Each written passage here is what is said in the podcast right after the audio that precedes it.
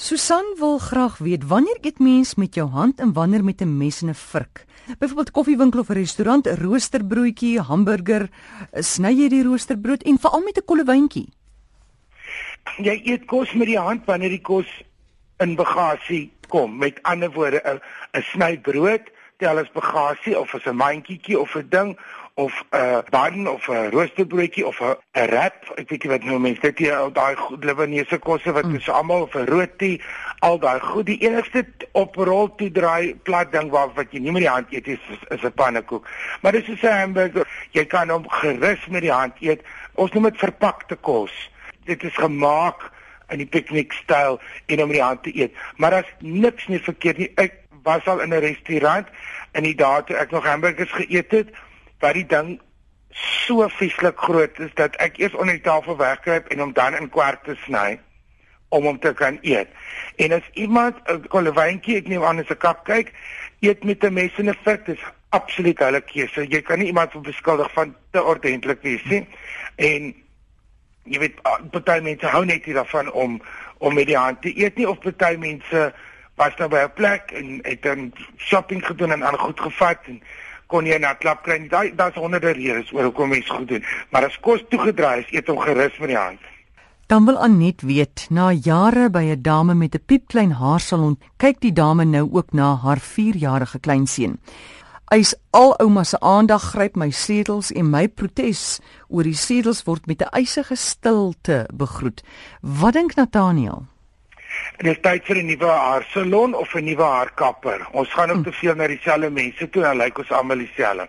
So ek sal gaan en as, as ek sal niks sê nie, die etikette sê gaan skryf vir jou ander kliënt, sy gaan jou wel bel en vra wat is fout, hoekom kom jy nie meer nie? Ek kan nie sê sodra jou kleinkind op universiteit is, is ek terug by jou.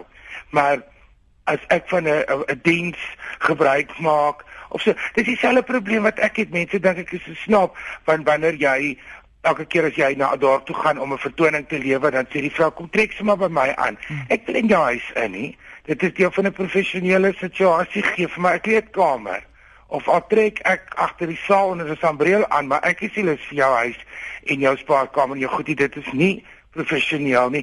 Jy weet nie wat is die omstandighede nie, daar's seker nie genoeg geld nie, daar's nie 'n babysitter nie. Dalk dink mense dis cute, maar troeteldiere en kinders is nie altyd cute vir ander mense nie en nie in 'n situasie waar jy betaal word nie.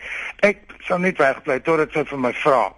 Wat is jou probleem en dan sal ek ook vir haar sê, ek dink jy jou hande te vol. Ek kom terug wanneer jy weer gereed is. Christa wil weet as sy genooi word na 'n verjaardag of troue en sy kan nie gaan nie, moet sy nog steeds 'n geskenk stuur. Wat is die etiket? Jy hoef nie 'n geskenk te stuur as jy behoorlik antwoord en sê ek kan nie kom nie. Dit hang af hoe groot die vriendskap is, hoeveel jare al jy my ken. Ek sal 'n geskenk stuur of ek sal op 'n ander tyd gaan kuier en inloer of na die troue as jy omgee. Dit is vir my 'n fantastiese verskoning om nie na iets te gaan waarvoor ek lus is. Ek stuur 'n wonderlike geskenk, daar's niemand fisielis te bly. Dit is hoe ek uit baie situasies uitkom. Jy vir my sê kom na my dinge toe en ek jy kry 'n groot geskenk om jy weet ek was lus. Maar ek sou sê as jy nie kan gaan nie, maar dit is 'n goeie vriendin of dis iemand gaan 3 maande later na die huis toe en sê ek het nie vir jou geskenk gegee nie, want ek ek het nie geweet wat nie of ek het whatever dit hang af van die vriendskap ek dink nie die vriendskap sal so close wees as jy nie genooi word nie maar ek ken ook mense wat net maar 'n paar dae het en dan nie swak vriende is nie maar daar's geen reël wat sê jy moet geskenk stuur nie dis 'n goeie manier om ietsie te stuur as jy self nie kan gaan nie maar as jy nie genooi is nie het jy vrede met hulle Iemand skryf dat dit irriteer hulle so as daar in 'n huispak 'n spieël is en al die vroue, veral die jonger dames, maak hulle gremering reg in die spieël, kam hulle hare. Wat's die etiket op hierdie gebied? Waar is die spieël toe? Reik jouself daar is iets as jy as dit in 'n professionele situasie is of in 'n werkplek waar dit baie gebeur sit 'n nota op. Dit is absoluut 'n swak maniere.